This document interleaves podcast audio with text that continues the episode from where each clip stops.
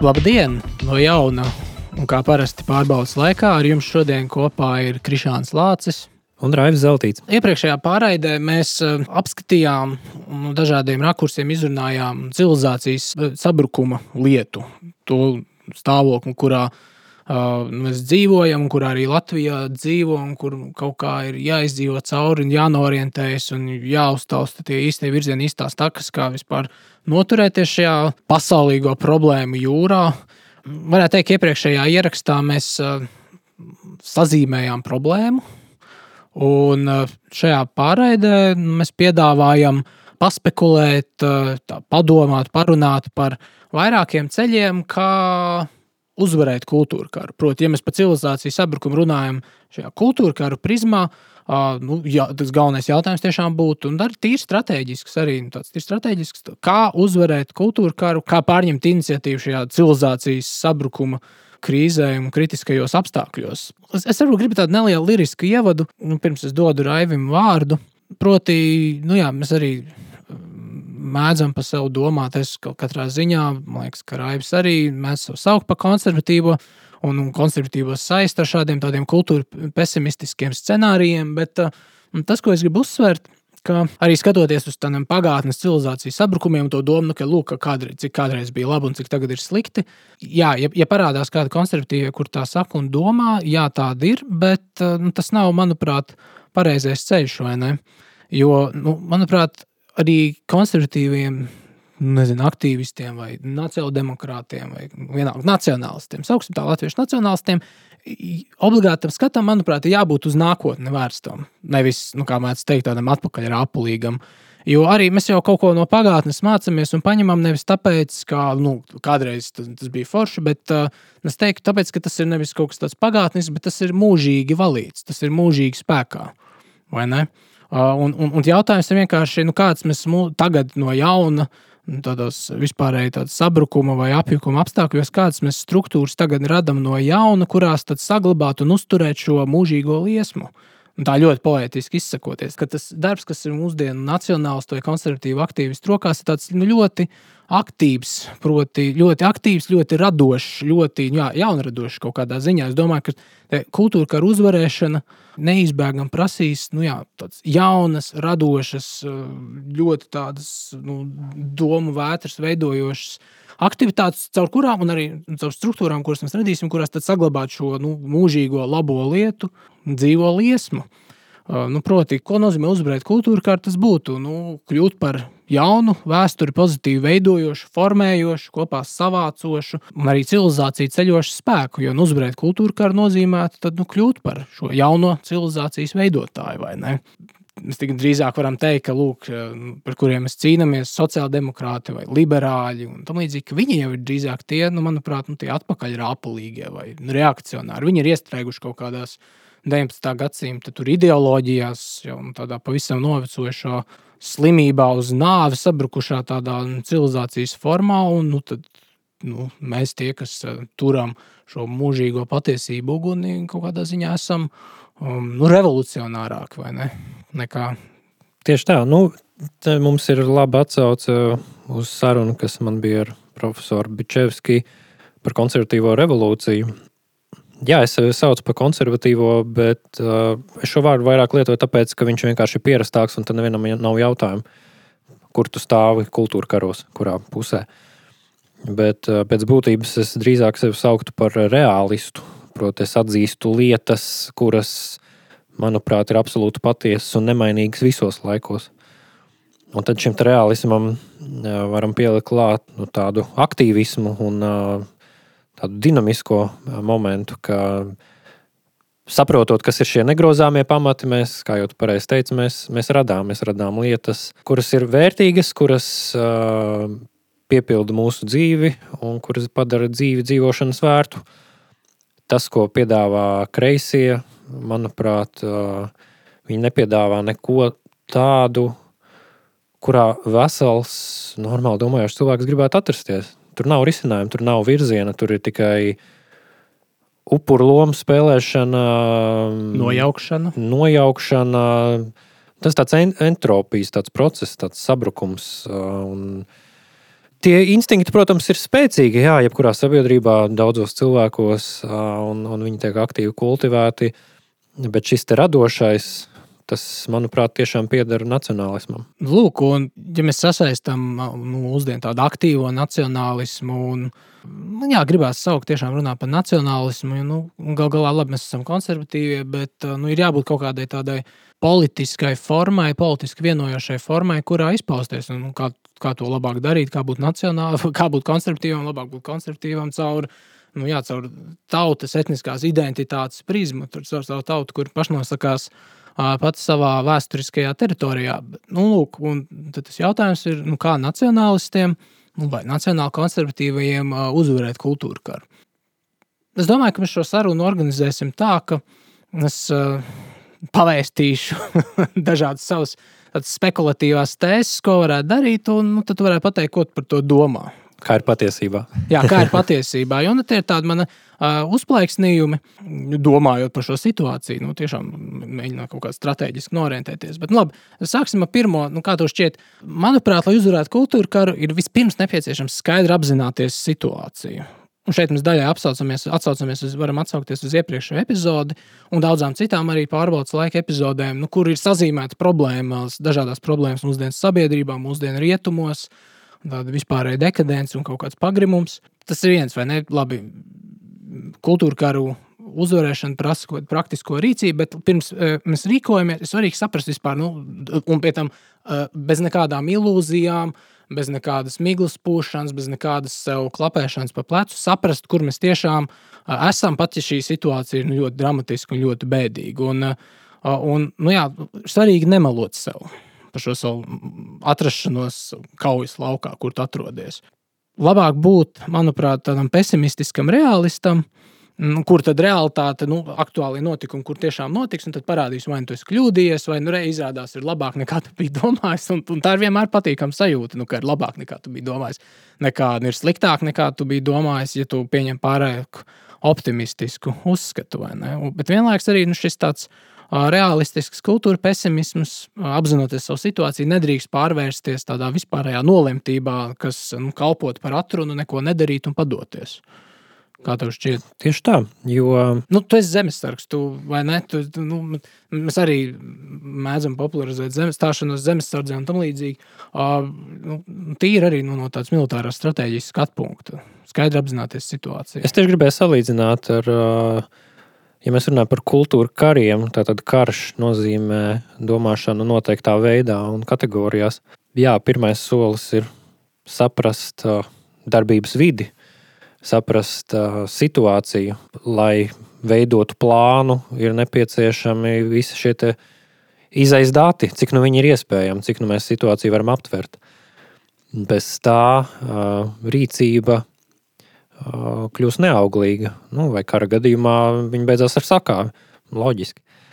Un, un otrs, jā, ir šī rīcība bez, bez kaut kādiem emocionāliem tēliem, bet ļoti racionāli, taktiski, kas ir tas, ko mēs ar saviem resursiem varam darīt.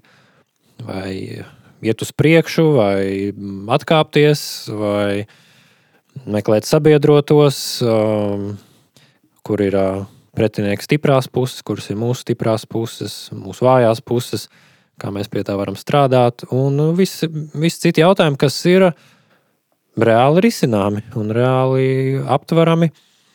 Un domājot par to racionāli, nu tā kultūrāli pesimistiskā noskaņa, viņa kļūst. Nu, mēs viņu no tādas mm, neskaidrības mīklas izvelkam un padarām aptveram un risinām.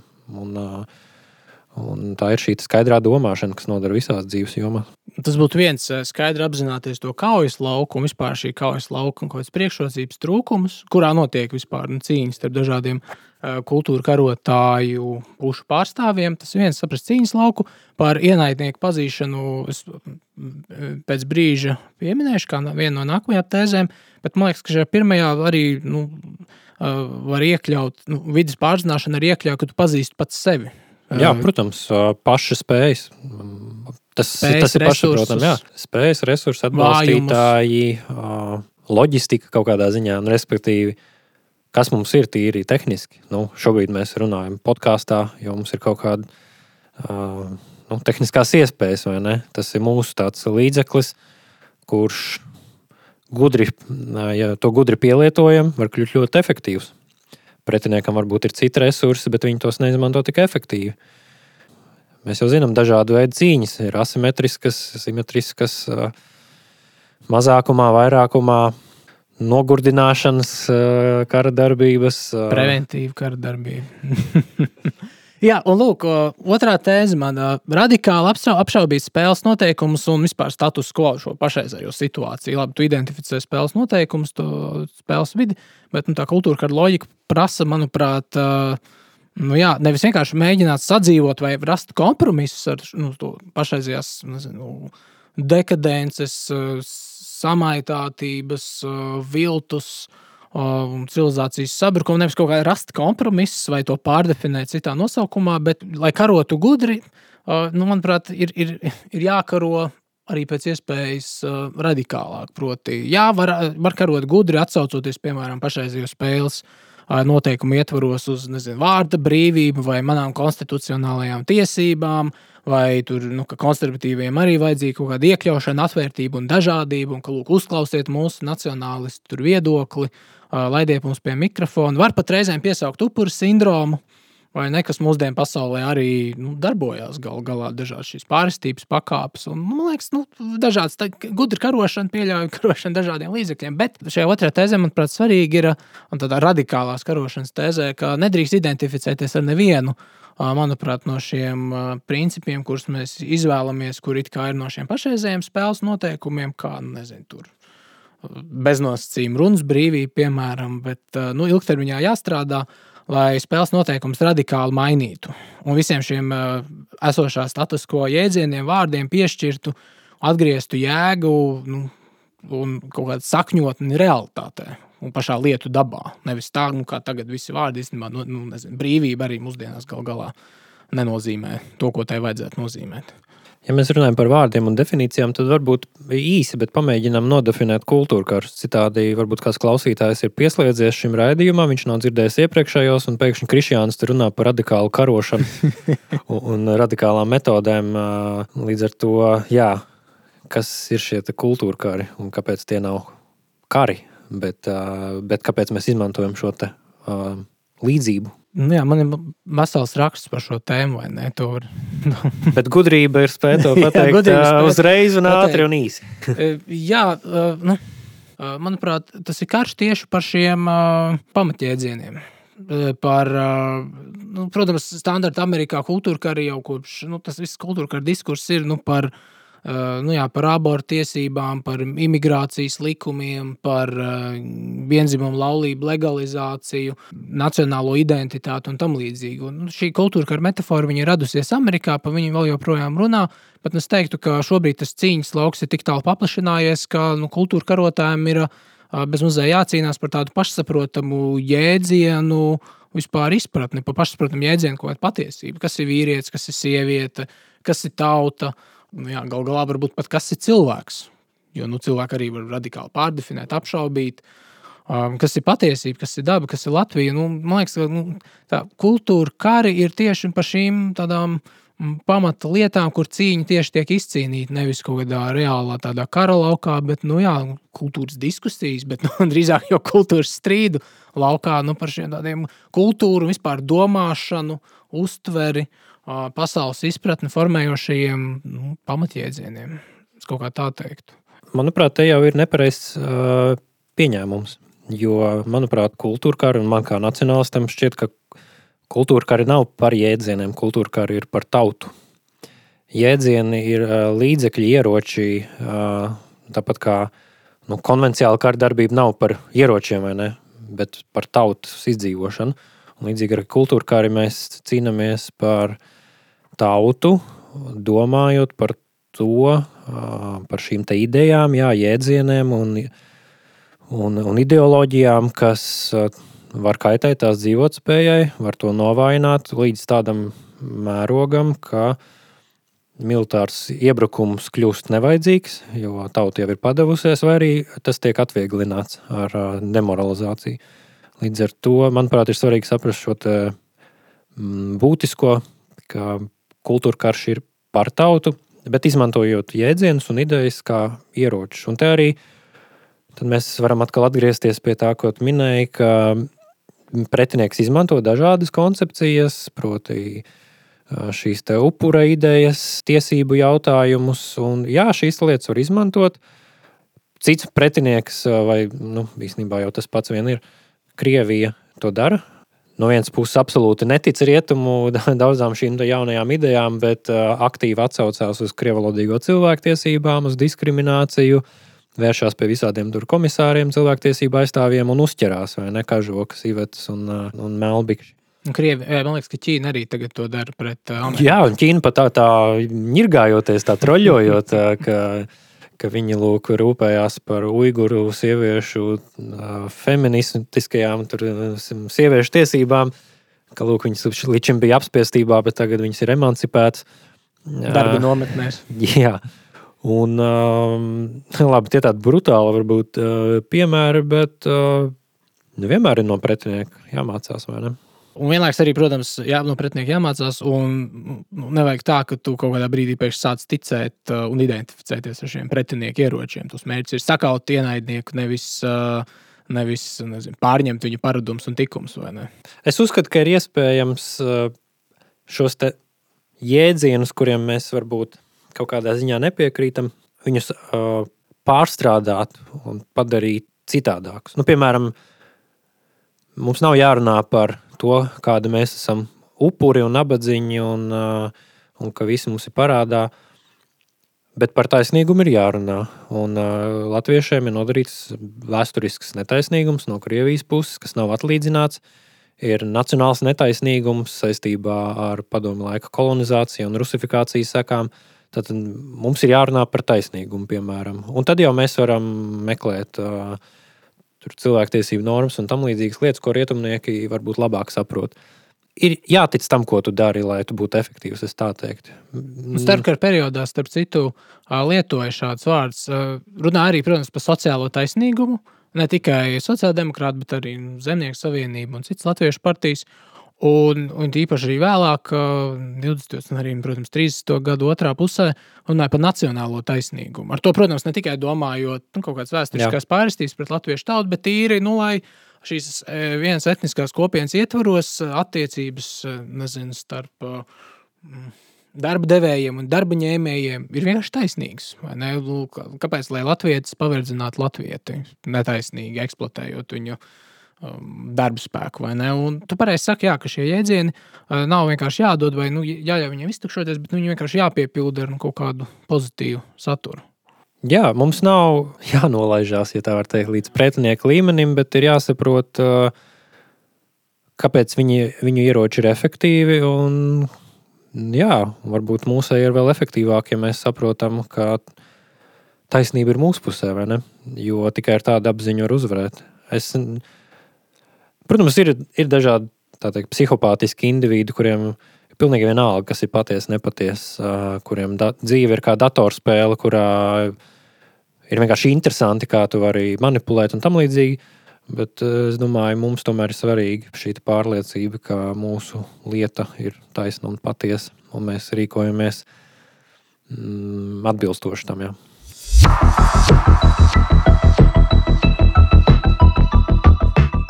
Trešā tēze par kultūru karu uzvarēšanu. Protams, lai kultūra karu uzvarētu, ir, manuprāt, skaidri jāidentificē un jānosauc vārdā ienaidnieki, pret ko mēs karojam. Un, manuprāt, šiem pašiem ienaidniekiem tas nepatīk. Viņi visu laiku mēģina kaut kā atkāpties un teikt, ka viņi ir Nezinu, nu, mēs jau neesam marksists, es jau neesmu kreisais liberālis.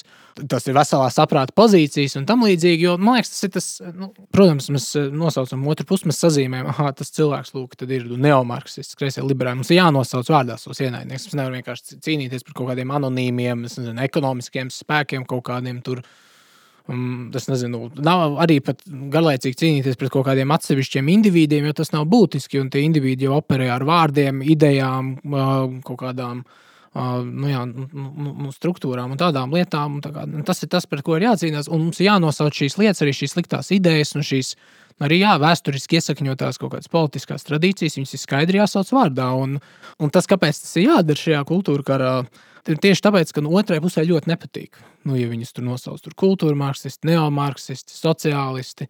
Man liekas, jaunākais veids, kā sociālisti sev mūsdienās ir pārsaukuši, un ja mēs skatāmies uz progresīvajiem, Viņi sev sauc par ekonomisko solidārismu vai ekonomiskiem solidāristiem. Nu, kaut kas tāds. Jā, vēl viens tāds klasisks veids, kā sociālisti mūsdienās sev pārsaukuši. Viņi sev sauc par uh, demokrātisko ekonomiku vai ekonomikas demokrātiju. Un, protams, visu laiku ir šī kaut kāda miglas, miglas, uh, miglas aizsegi, lai atkabinātos no tā vārda, kas uh, diezgan pamatot ir nu, ieguvis negatīvu konotāciju, negatīvu noskaņu nu, ļoti plašās tautas masās. Jo, nu, kurš gan grib būt sociālists? Ar liberāļiem citādāk, un tāpēc, piemēram, savā kultūra karojošajā darbībā, nu, manuprāt, tas sazīmēs liberāls un kā vienu uh, no tādām galvenajām mūsdienu, tām irdinošajām, civilizāciju irdinošajām, tādiem ideiskajiem kompleksiem. Un tad nu, es, es gribu saukt, jā, liberālisms, proti, uzsvars uz pēc iespējas lielāku individu brīvību un, proti, visu politisko sistēmu pakārtojot individu atbrīvošanai. Nu, tas arī tāds ļoti, tāds, kā tu teici, nu, kas, kas, entropija. Jā, ļoti entropisks princips, manuprāt. Un, lūk, un visu laiku ir svarīgs spiest, spiest, ko es pats saucu par tādu naidniecības intensifikāciju. Proti, kā kāpināt naidniecību. Nevis, ka tu vienkārši gribi sēdēt ar ienaidnieku tramvajā. Uh, nu, forši. Nu, kāds ļoti bieži notiek parlamentā. Nu, viņi tur lamājās viens par otru, vai ne? Bet pēc tam iet kopā uz pirti.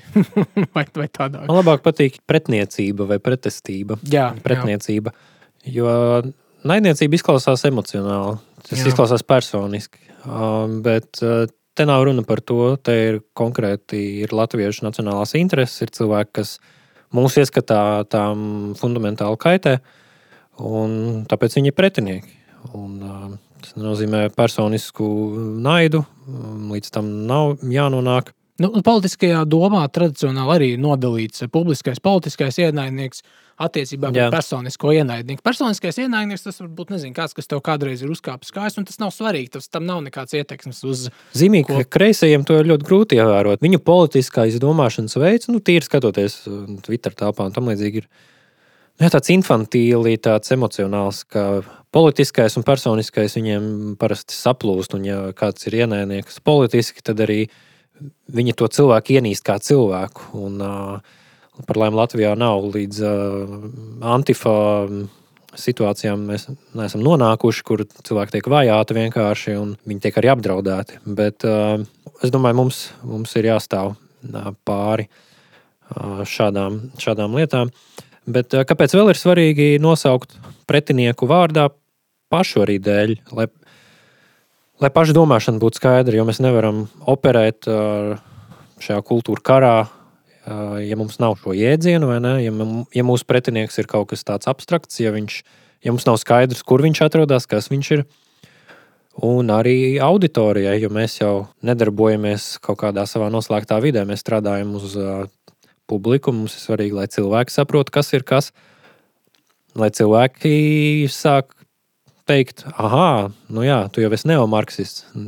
Nevis ļaut viņam noslēpties aiz ekonomiskā solidārisma. Jā, vai, vai jebkā, jebkāda cita aizsaga.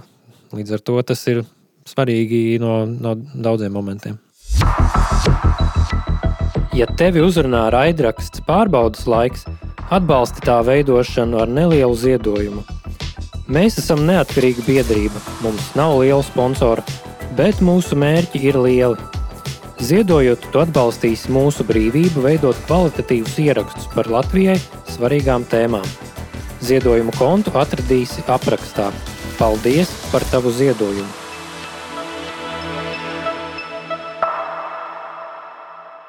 Nu, es vēl teiktu, nu, nu, no savas personiskā skatu punkta, ka uh, nu, tas mērķis šādā kultūra karā, kur jā, ir skaidra uh, pretniecība, skaidrs sazīmēts ienaidnieks. Uh, nu, manuprāt, nu, šī kultūra kara uzvarēšanas gala rezultātā mērķim vajadzētu būt tādam, ka ienaidniekam un viņa manevriem ir atņemta nu, jebkāda leģitimitāte. Nu, nevis vienkārši kā ir e, piedāvāts jauns dialogs šim ienaidniekam vai pretiniekam, nu, kaut kāds dialogu iespējas, atgūt kaut kādu status quo, kur ir atkal iespējama saruna ar, ar, ar, pretiniekiem vai ienaidniekiem. Bet, nu, Es tomēr gribētu teikt, ka nu, jebkuras tādas kara darbības iznākumam vajadzētu būt nu, ienaidnieka sakāvai vai atvairīšanai no teritorijas, kur viņš ir pārņēmis. Jā, Pilnīgi piekrītu. Un, uh, mēs pie šī secinājuma varam, protams, šobrīd loģiski nonākt, jo mēs izgājām visus iepriekšējos soļus. Jo, ja uh, politiķis nesaprot, ka rietumu civilizācija vai kultūra ir krīzē, ja viņš neatzīst, ka notiek kultūra kari vispār, ka viņam šķiet, varbūt ir vienkārši politiskais process, cīņa par elektorātu un tam līdzīgi. Ja viņš nespēj šo pretinieku nosaukt un Līdz ar to viņš nenonāk līdz šim secinājumam, ka vispār ir šis konflikts, ka ir kaut kas tāds no, nu, fundamentāls šobrīd notiek. Nu, ka politika vispār ir diezgan, konfliktu, diezgan liela konflikta situācija, vai ne? Varbūt kādu brīdi viņa tik izteikti nebija, jo nu, bija tāds politehnoloģiskais tirgus, kur varēja tur vienoties, pārdalīt kaut ko un tam līdzīgi.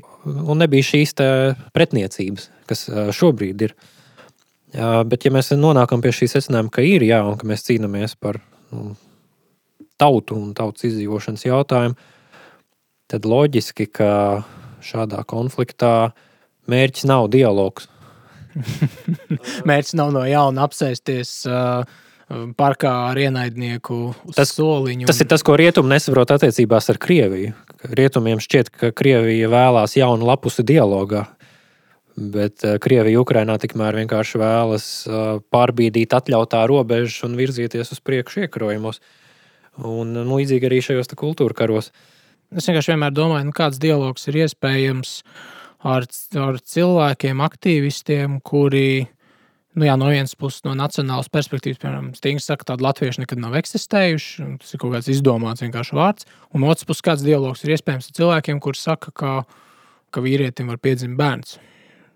Jā, vai ka sievietes ir dzemdē, birthing people, dzemdējuši cilvēki. Nu, kā, par kādu dialogu iesp atgūšanas iespējams varam runāt nākotnē? Nu, tā problēma arī ir, ka nav tā, ka diskusija vienmēr ir laba, ja viņa notiek. Jo, kolīdz tu atver diskusiju, piemēram, ar šādiem šādu uzskatu pārstāvjiem, tu jau leģitimizē kaut ko. Tu leģitimizē to, ka viņu šie murgi ir apspriežami, ka viņi ir diskutējami. Pozīcija ka ir izvēle starp divām nu, vienlīdzīgām pozīcijām, ne, kur ir jānonāk līdz iespējams kompromisam kaut kādam.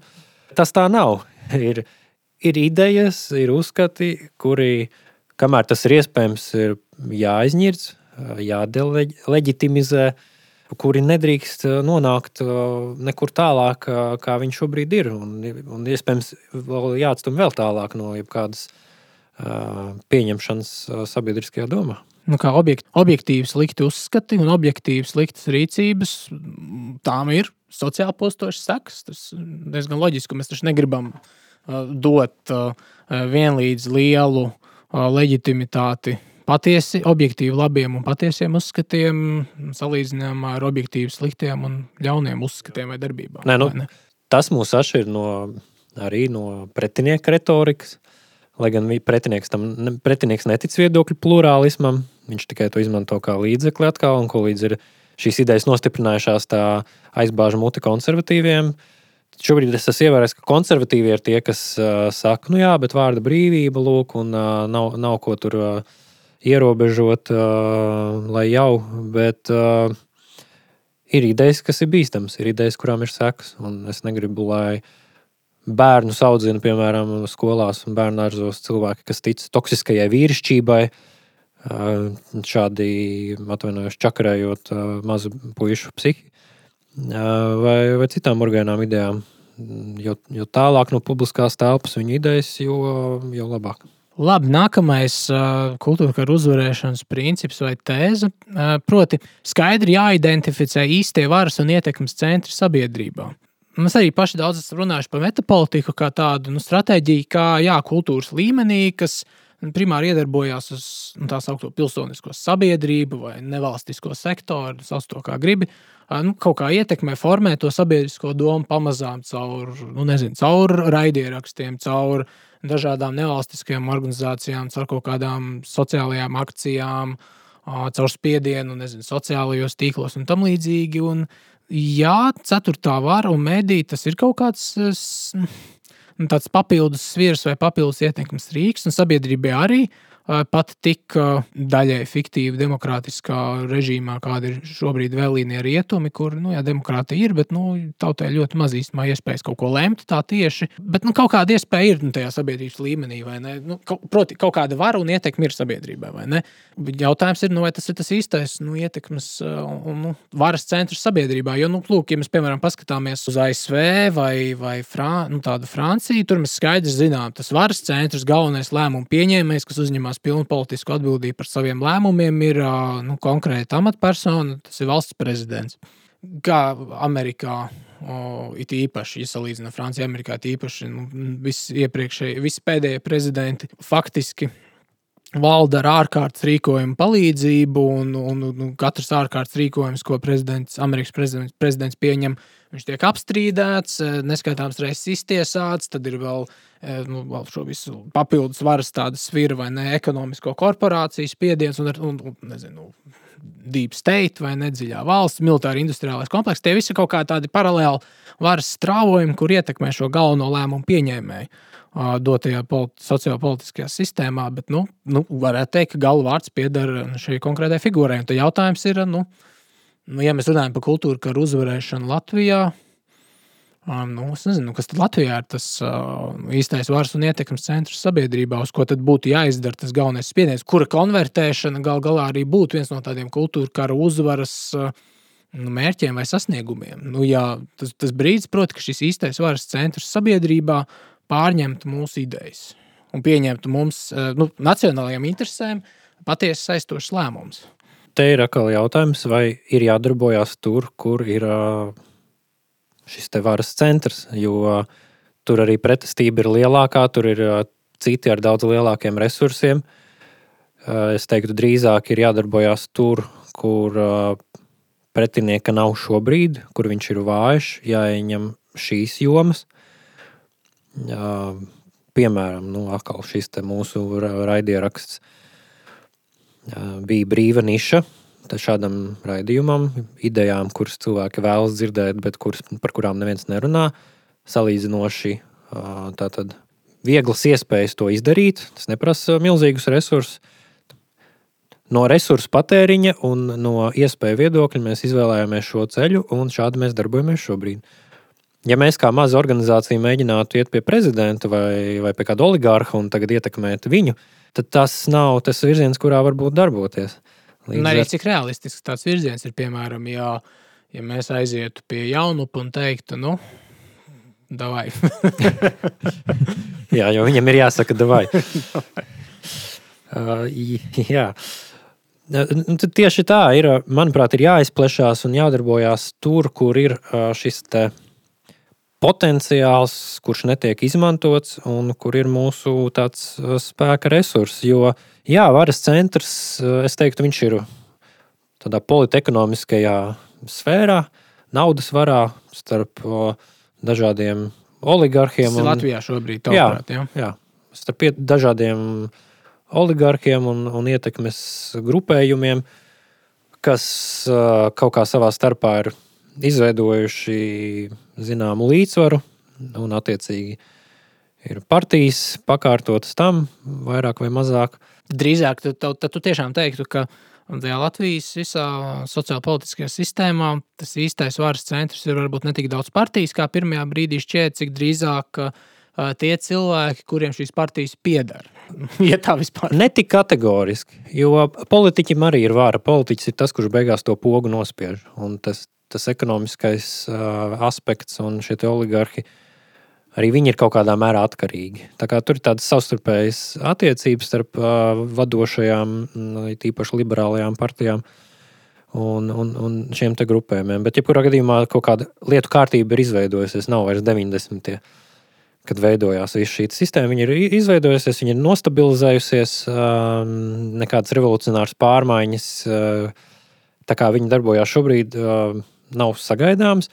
Virs tā pastāv Tas tā brutāli atklāti šobrīd runāju. Es uzskatu, ka tā šī raidījuma pievienotā vērtība, ja mēs runājam tikai tā. Un virs šī tāda lokālā izkārtojuma ir šis ģeopolitiskais moments. Ir vienošanās, ka šī ir rietumu telpa, un NATO mūs sargā, Eiropas Savienība mūs sargā, mūsu strateģiskais partneris ASV mūs sargā. Vienošanās starp ko? Es teiktu, tā ir uh, uzspiesta tāda, un par laimi mums uh, reāli tāda politiska, nu jā, tāpat nav vienošanās. Tā ir realitāte, kuru Krievija bija spiest atzīt 90. gados, kad Padomju Savienība sabruka. Tā ir realitāte, ko viņi ir gatavi jebkurā brīdī, nu, domājot, Krieviju darīt visu, lai pārskatītu. Savukārt vietējā oligarhija, viņi uztur saiknes ar abiem. Ir bijušie čekisti, kas vienmēr ir gatavi pārslēgties. Ir Protams, arī jauni mm, grupējumi un spēlētāji, kas uh, vairāk skatās uz Eiropas naudu apgūvi. Bet, ja šajā ģeopolitiskajā līmenī ir pārbīdes kaut kādas un sadursmes, un, uh, piemēram, Amerika tiek kritiski novājināta, nu, tad mums ir skaidrs, ka īstais varas centrs tajā brīdī vairs nebūs šie vietējie ne, grupējumi. Uh, un kaut kur tur visur, visur esam mēs, tauta vai ne, un nacionālisti. Un, uh, Mums ir jāspēlē gudri, un, manuprāt, tā spēlēšana gudri šobrīd ir nu, uzkrāt šo resursu, kas mums pašiem ir. Joprojām var, tauta arī ir varas centrs potenciāls, bet viņi šobrīd ir. Viņi ir atbruņoti, es teiktu, tā, lūk, un, kā politisks spēlētājs. Jā, lūk, un šī ir mana nākamā tēze kultūra karu uzvarēšanai, proti, uh, apzināt revolucionāro pēdiņās, tā es, domāju, apzināt potenciālo revolucionāro socioloģisko grupu, elites aizstāšana būs neiespējama, ja pie pašreizējās demokrātiskās iekārtas jebkurā gadījumā nenotiks apelēšana pie tautas. Šis nu, vēsturiskais izsauciens, hoipoloja, apelēšana pie daudzajiem, pie tautas. Un, nu, Nu jā, Latvijā jau pieminēji, jā, ka kaut kāda vara tautā ir, vēl pirms arī referendumu, referendumu iespēju apcirpšanas. Ļoti bieži nu, šī iespēja bija, un viņa ļoti bieži net, netika izmantota. Un, Nu, lūk, un, un, un Latvijā jā, nu, tautai ir kaut kāda iespēja, ļoti liels tāds neapmierinātu balsotāju bloks no vēlēšanām uz vēlēšanu Latvijā.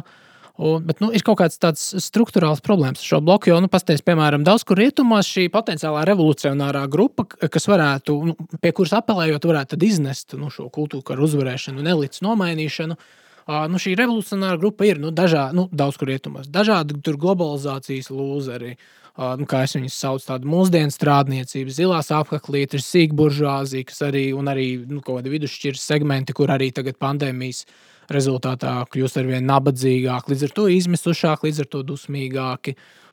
Nu, jā, un, un, un, un, protams, šie cilvēki, kuriem paliek ar vien nabadzīgāka un bezspēcīgāka grupa, kuri ir nu, jā, ļoti bieži apjukuši, bet nu, es teiktu, ka viņi ir um, savos sociālajos uzskatos, manuprāt, konservatīvi. Uh, bet nu, tajos nu, politiskajās prasībās viņus mēdz apzīmēt par tādiem politekonomiski kreisiem. Proti, viņi prasa lielāku valsts iesaisti kaut kādos sektoros, bet nu, līdz ar to arī mazāk valsts iesaisti kaut citās. Nu, rietumās nu, saka, ka šis potenciāli revolucionārais un neapmierinātais segments ir sociālās politikas jomā, viņi ir konservatīvi noskaņoti, bet nu, ekonomiski viņi ir noskaņoti kreisi. Un, nu, man liekas, ka Latvijā tas būtu diezgan līdzīgi. Cilvēki prasa, nu, ka valstī vajadzētu kaut ko vairāk darīt. Nu, šis lielais neapmierinātais uh, Latvijas elektorāts, bet no otras puses viņi, nu, ir arī tā pretruna, vai ne arī gozam vēlētājiem, nu, ka valdībai vajadzētu kaut ko vairāk darīt, un no otras puses valdībai nevajadzētu arī tik daudz jauties, jaukties un maisīties parasto ļaužu dzīvē. Nu, jā, un, un kā, kā tad notiek rietumos? Nu, rietumos notiek tā, ka potenciālais šis kultūra karu revolucionārs politisms sazīmē liberālo eliti, kas ir sagrābusi varu. Uh, vis, visbiežāk sadziedoties ar nu, lielu kapitālu korporācijām, mēdījiem, kaut kādiem pārnacionālām nevalstiskajām organizācijām, ierēģiem. No Amerikas gadījumā arī tas ir šis deep state, dziļā valsts, kaut kāda īstā lēmuma pieņēmēja, militāra industriālais komplekss. Tad nu, šis status quo apšaubītājs apelē pie tautas, pie bezspēcīgā vai marginalizētā vairākuma. Uh, nu, apelē pie tautas, lai lūk, gāztu šo patreizējo korumpēto eliti, lai gāztu šo varu. Protams, gandrīz nekur rietumos šobrīd tas nav noticis, lai gan nu, ir bijuši mēģinājumi. Bet nu, tas ir iespējamais ceļš. Katrā ziņā es teiktu, ka šīs stratēģijas ietvaros nu, atrast, kur ir tā konkrētā socioloģiskā grupa, uh, potenciāli revolucionārā. Nu, mērķis būtu radikalizēt, kā es to nosaucu, radikalizēt normīšus. Radikalizēt nu, tādus normālus, kur cilvēki ir neapmierināti ar daudz ko, bet nu, viņi joprojām tic esošās spēles noteikumiem. Tad nu, radikalizēt būtu viņiem iestāstīt, nu, ka nē, nu, ka pie šī esošā aizkārtojuma nekas labāks jums nebūs. Jums ir jāprasa vairāk, jums ir nu, jākāpj ārā no savas komforta zonas. Un, un, nu, jā, nu, jā, pat ja jūs esat parasti strādnieki, vai nezinu, sētnieki, vai mm, sīktirgotāji, nu, jums ir jāradik, jā, jāradikalizējās. Es domāju, ka vairāk radikalizēt nav nepieciešams un nav iespējams, kā tas ir šobrīd. Jo cilvēku noskaņojums, tas ir, protams, pilnīgi subjektīvs, bet, manuprāt, tik kritisks pret valdošo tādu politisko izkārtojumu un valdību, kā ir šobrīd, eh, nav bijis atjaunotās Latvijas vēsturē. Varbūt ir bijis. 90. gados vēl nebiju apzinīgā vecumā. Par to es nevaru spriest. Bet nu, 90. gados katrā ziņā es, es, es esmu redzējis, ka statistikas cilvēki gāja uz vēlēšanām. Nu, Tolaik viss sākās, bija cerība, un pat ja bija grūti, bija nu, sajūta, ka nu, labi, augšanas grūtības, bet nu, tagad ir 30 gadi pagājuši, un ir tā stagnācijas sajūta. Tas ir sliktāk nekā nu, trakie 90. kur bija nu, tās pārmaiņas, kur kaut kas notika. Un atvērts nākotnes iespēja horizons. Tieši tā. Un šobrīd tāda nav, vai ne? Nu, tā sajūta ir, ka nav. Un tas cilvēkus sadusmo, radikalizē. Tas vairāk nav nepieciešams radikalizēt, kā tas ir šobrīd, kā jau es teicu. Problēma ir, ka nu, es iepriekš noraksturoju to varas centru, vai ne? Ja tie ir šādi politekonomiskie grupējumi un, un bijušie, lai gan nav bijušo čekistu vai ne, dažādi čekisti, šķērsvītri, oligarhi, tad uh, parasti Latvijā šie populistiskie projekti, kas tautas dusmas kaut kur novirza, tiek veidoti no augšas. Un līdz ar to tas nav nacionāls populisms, tas ir tāds politehnoloģiskais populisms. Visbiežākais katras protesta partijas ir vienkārši cits oligārs, kurš grib izreikināties ar to oligarhu, kuram viņa prātā ir pārāk liela ietekme šobrīd. Nu, Šlēsaram apnika, viņš vienkārši pats izgāja priekšplānā. viņš pat vairs ne, ne, neizliekās. Un e, šie ir tie mūsu populisti, vai ne? Cilvēki, kas jau ir bijuši iepriekš pie varas, mēs zinām, kā viņi ir saimniekojuši, tur nekas labāks nav bijis. Vienīgā izēja, tāda politiski elektorāla, ir nacionālistiem būt tiem, kas vēršas pie tautas, patiešo izmantot šo populismu stratēģiju, un es ar populismu nedomāju neko sliktu. Tā ir metode. Tas ir apelēšana pie tautas. Apelēšana pie tautas. Pret elitēm. Jā, viņi var izpausties dažādi, tāpēc ir šī negatīvā varbūt asociācija, bet nu, tā ir demokrātija, vēršanās pie tautas.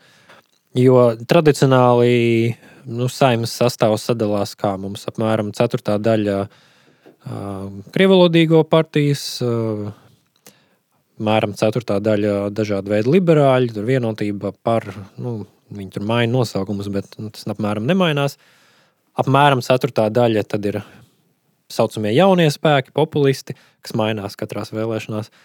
Un tad paliek tā viena ceturtā daļa, ko nu, tur apmēram vienādās daļās dala nacionāļi ar zaļiem zemniekiem. Zaļie zemnieki tāda īpatnēja Latvijā partija ar to, ka šajās kategorijās īsti neiedarās viņa tāda lauku, uh, rurālā partija, kad meklē saimnieku. Un tā izēja no šāda sadalījuma vienīgais virziens ir, nu, tad nu, skaidrs, nacionālisti nevar pārņemt krievalodīgo elektorātu. Nevajadzētu censties pārņemt liberāļu elektorātu, kas ir pārliecināti nu, neomarksisti, kā mēs runājam. Jo tad arī nacionālisms ar to izbeigsies. Nu, atliek vērsties pie tautas, pārņemt šo populismu nišu, kā to dara Igaunijā ekre. Un es domāju, arī vajadzētu mēģināt ielausties šajā lauku, nu, nosacīt lauku, bet šajā laucinieciskajā elektorātā ar nu, saimnieka tēlu kādu līderi, kurš uzrunā cilvēkus lauka reģionos, kuriem varbūt šis tehniskais jautājums nav tik sasāpējis. Tā ir teorija, kā vajadzētu. Tas, protams, prasa izaicinājums, uh, un mēs šeit to droši vien arī neietekmēsim. Jo tas jau mazliet iziet ārpus kultūra kara tēmas. Jo kultūra kara tā nozīme ir arī jautājumā, kas notiek pēc tam, kad varu ir iegūta. Jo, nu, lūk, Trumps ieguva varu politiski. Jā. Bet viņš nenosargāja šo kultūras karu aspektu. Kaut ko viņš uz beigām sāka mēģināt darīt, tad bija jau par vēlu. Varbūt par vēlu bija jau tā, ka viņš tika ievēlēts vēlēšanās. Varbūt jau tad šī kultūra cīņa bija zaudēta. Bet, ja nav nosargāts šis lauks, tad arī šis politiskais uh, kļūst par tādu īstermiņu uzvaru. Nu, Amerika to pierāda. Es teiktu, Niksons jau bija tas gadījums, kur viņš uzvarēja politiski, bet kultūra kā arī tika pazaudēta viņa laikā jau un pēc tam. Jā, vai ne? Un arī Reigans, piemēram, arī kā, nu, tāds uh, konservatīvs, tāds uh, papus arī nu, par Ameriku un par kristīgiem vērtībām, bet nu, vienlaikus šie 80. Nu, kas ir Reigana ēra, ASV ir nu, tāds. Nu, es varētu teikt, ka viss tas, ko mēs šobrīd redzam, uh, Uh, izpaužamies ASV, visas tur dedzināšanas, hauss ielās, antifa un universitāšu aktīvisms. Tam visam saknes ir laistas, nu jā, kādā ziņā agrāk jau 60. bet 80. gados visi izējas elementi jau bija tur uz vietas. Tas viss jau ir tiešām jau 80. gados, tās sēklas ir sēts 80. gados. Un... Tas pats Lielbritānija ar Tečeru, Spānija, Portugāla interesanti gadījumi, kur bija faktiski galēji labējas diktatūras līdz pat 70. gadsimtam ļoti īsā laikā tas viss palika, pazuda nebūtībā, un šobrīd tā pati polarizācija, kas citur rietumu pasaulē ir ļoti stipras kreiso kustības un radikālisms. Līdz ar to šis kultūra kara moments, viņš nav viss, bet bez viņa nevar. Labi piesauc to Portugāles un Spānijas piemēru. Jo savā vēlīnā fāzē gan Portugālē, gan Spānijā, kā nu šķiet no ārpuses, tur baigie tādi ultra radikāļu, uh, radikālo tradicionālistu režīmu, bet nē, no iekšpuses skatoties, viņi tika izjusti kā tādi nu, vienkārši tehnokratiski, tādi menedžējoši. Nu, jā, varas uh, uzturēšanas, tādi nu, stabils, jā, stabils varas uzturēšanas režīmi, uh, kuri, jā, pilnībā bija palaiduši garām, kā teicu, šo kultūra karu prizmu.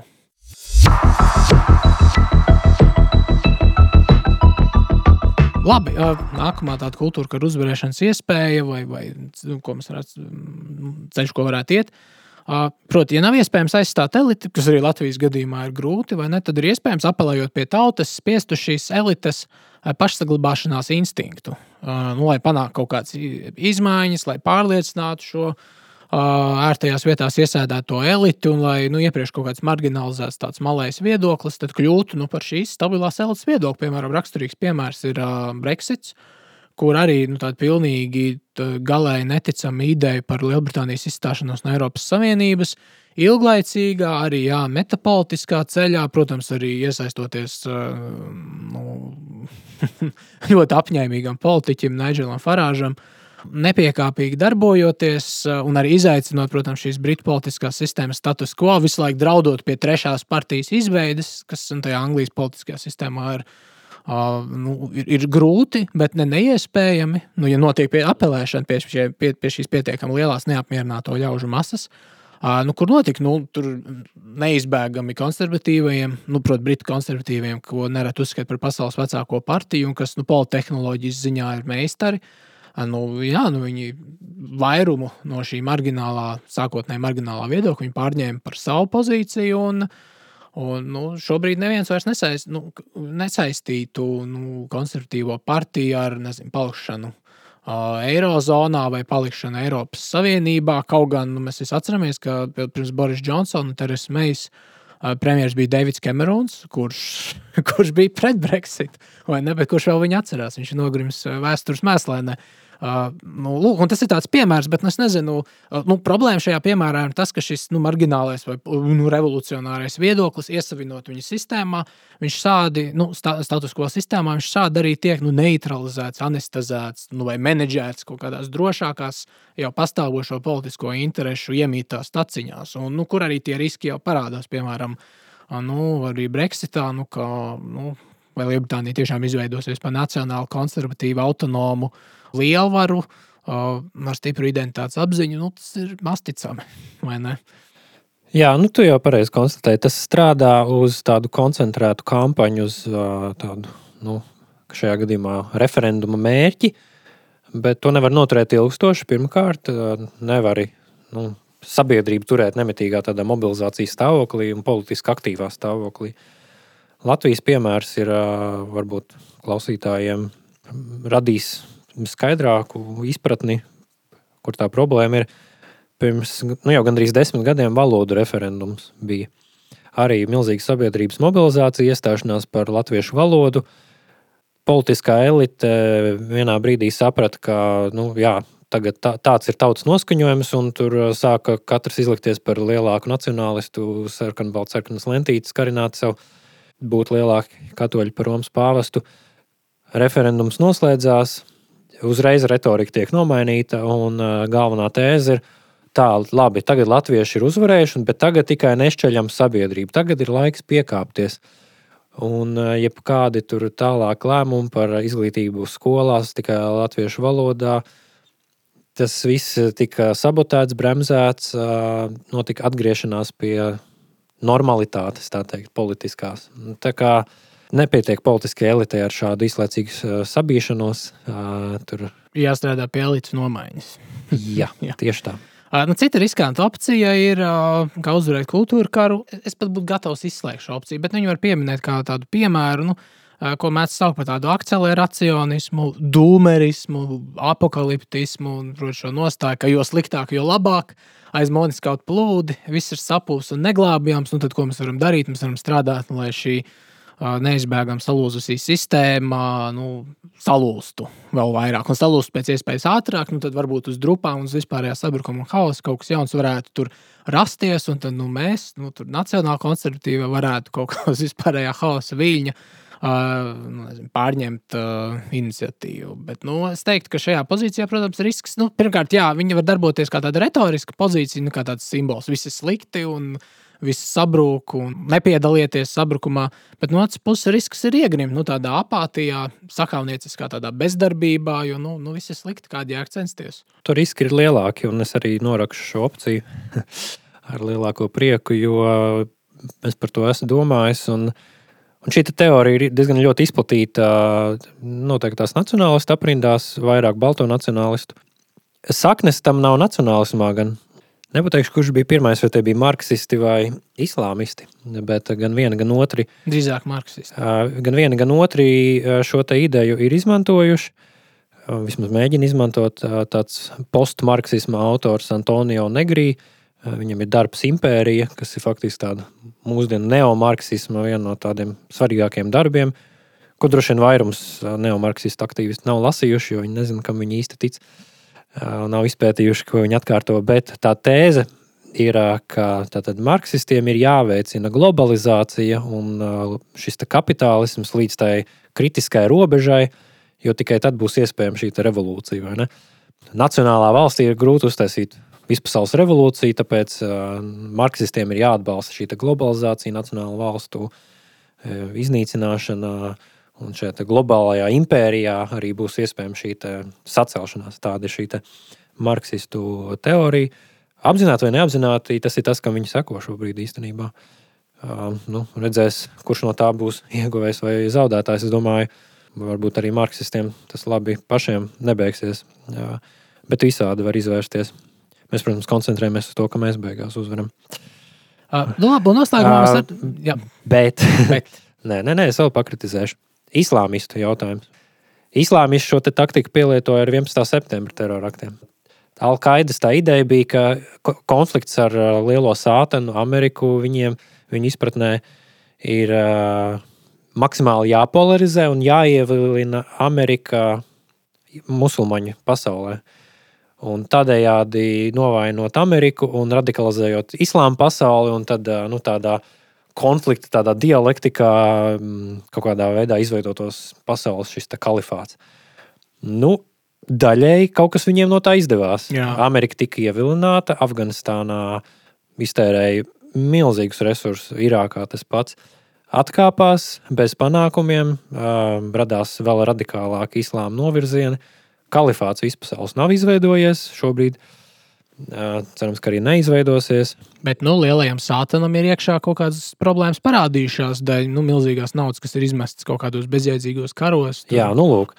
Līdz ar to nu, tāda zināma stratēģiska loģika viņiem tajā bija. tas labi nebeidzās Alkaidas vadoņiem, vai ne? Viņu īpaši vairs nav starp dzīvajiem. Un tur, tur tā lieta, ja tu pātrini konfliktu, tu arī pātrini pretinieka cīņu pret tevi. Tu pā, un, jo viņam ir vairāk resursu, jo viņš ir lielākā nu, resursu pārsvarā pār tevi. Jo, jo ja tu viņu ievilini pie sevis un izaicini uz cīņu, nu, tad rēķinies, ka viņš to pa muti var sadot. Nu, tā vienkārši izsakoties. Un tas ir tas, ko dara šobrīd tā saucamie Baltijas nacionālisti. Viņi domā, ka viņi lūk, izaicinās sistēmu, pātrinās viņas galu. Tas, ko viņi dara ar kaut kādām teroristiskām aktivitātēm un, un reizēm retoriku, tikai viņi pātrina nacionālismu, tādu nu, nomelnošanu, izsludināšanu ārpus uh, pieļaujamības normas, jo uz katru šo radikālo rīcību tiek piegriezts skābeklis normāliem nacionālistiem, imigrācijas kritiķiem. Un es pieņemu, ka bieži vien tie arī nu, ir noteikti dienesti, kas tieši uzkurina šādas idejas, lai varētu piegriezt skābekli. Līdz ar to nē, es domāju, ka šī taktika nestrādā, viņa nav pārdomāta. Visbiežāk viņu, manuprāt, izmanto tādi patoloģiski individi, kuriem gribās izrādīties, uh, kuri nav vispār aizdomājušies par to, ko mēs tikko runājam. Tas, ko viņi pātrina, ir savs gals, nevis sistēmas gals. Nu, man nav ko piebilst, no, es tev piekrītu, vai ne? Un, labi, un noslēgumā mēs varētu atgriezties pie, nu jā, pie kultūra kara uzvarēšanas grūtībām Latvijā. Mēs jau iezīmējām šo iespējamo revolucionāro grupu Latvijā, šis mūžīgais uh, protesta elektorāts, kurš tikai paliek lielāks. Un vēl man liekas, ir svarīgi atcerēties to lielo ļaužu skaitu, kur vispār neaiziet nobalsot, jo viņiem šķiet, ka tas ir pilnīgi bezjēdzīgi. Un, nu, man liekas, pašreizējā situācijā arī man sāk saskatīt šīs pozīcijas racionalitāti. Iepriekš es tā nedomāju, bet uh, es tagad sāku saprast šos cilvēkus, kuri nekad, nu, ne nekad, bet teiksim, pēdējos 10 vai 15 gadus nav gājuši uz vēlēšanām Latvijā. Es, es sāku saprast viņu, nu, nu, to viņu loģiku, domāšanu. Iepriekš nesapratu. Un skaidrs, ka lielākās Latvijā revolucionārās pārmaiņas notiks tajā brīdī, nu, ja īsāk sakot, Latvijas politiskā elite tiks aizstāta tajā brīdī, kad nu, cilvēki vienkārši piecelsies no divāniem un aizies nobalsot, bet nu, jautājums aizies nobalsot par ko? Jo nu, skaidrs, viņi nebalsos par nu, dotajām partijām, viņi balsos par kādu no protesta harizmātiskajiem līderiem. Par, par Šlēsēru diez vai, jo visi zina, kas ir Šlēsērs, par gobzemu nu, tā 50 uz 50, jo tur ir vairāk ir viena cilvēka kaut kādi. Um, nu, jā, mēs nezinām par interesēm, kas ir aiz gobzem, bet nu, tas, nu, arī tur ir drīzāk problēmas. Nu, vienkārši neorientēšanās kultūra kara loģikā. Nu, vienkārši apelēšana varbūt pie maizes, pie, pie sliktās elites, bet nu, nu, nu, tālāk nu, ar, ar, to, ar to man liekas nepietiek, jo tur jau nav kaut kādas tādas nu, vīzijas. Nu, Jā, nu kāda tad būtu tā īstā Latvija, ko celt? Kādai... Nu, tur ir pieķeršanās vienkārši aktuālākajai sāpei, Jā. viņas dažāda apstrādāšana, uzkurināšana un tad virzīšanās uz nākamo sāpi. Uh, tur var to filmu patīt atpakaļ un nu jā. atcerēties, nu jā. Jā, kā tās pozīcijas mainās visu laiku, un tur nav ideoloģijas. Nu, lūk, un kaut kādas uh, reālas pārmaiņas Latvijas politikā, un arī līdz ar to tajā kopējā kultūra kara vidē notiktu. Tad, nu, tajā brīdī, kad teiksim, tiešām kāds nu, bez mazliet no nekurienes uzrādījis politiskais spēks, vai es nezinu, atkal kāds jauns, harizmātiskais līderis, nu, jā, apelēt pie tautas un, un pie visām šīm sāpēm, netaisnībām, bet vienlaikus uh, domāt šajā kultūra kara loģikā, apelējot pie identitātes jautājumiem, pie, pie, nu, pie veselā saprāta, pie nu, liberāļu un neomarksistu izsviešanas no varas pozīcijām un tam līdzīgi. Ja nosaukt nu, konkrēti saucot ienaidniekus un arī sliktās lietas vārdos. Bet nu, nu, cik tas ir reāli? Cik reāli ietekmēt nu, nezinu, mums vai kādiem aktīvistiem šādu nākotnes, nu, kaut kādu harizmātisko populistu līderi? Varbūt tiešām realistiskāk būtu nezinu, nu, nu, strādāt pie tā, lai vismaz divas Latvijas kaut kādas esošās konservatīvās partijas pārņemtu pārņemtu mūsu pozīcijas. Es nezinu, kā tev šķiet. Nu, kurā brīdī Latvijā no politikas skatu punkta šāds ar visām mūsu socioloģiskajām grūtībām tāds nu, kultūra karš tiktu uzvarēts? Nu, kā tas ir iespējams? Otrā opcija ir drošāks ieguldījums, es teiktu tā. Jo pirmajā gadījumā vienkārši visu līdz šim Latvijā šo populistisko spēku liktenis ir bijis ļoti īs, īs mūžs. Nav jēga ieguldīt kaut kādā harizmātiskā līderī, ka viņam tā harizma izbeidzās dažas dienas pēc vēlēšanām un viss sabrūk.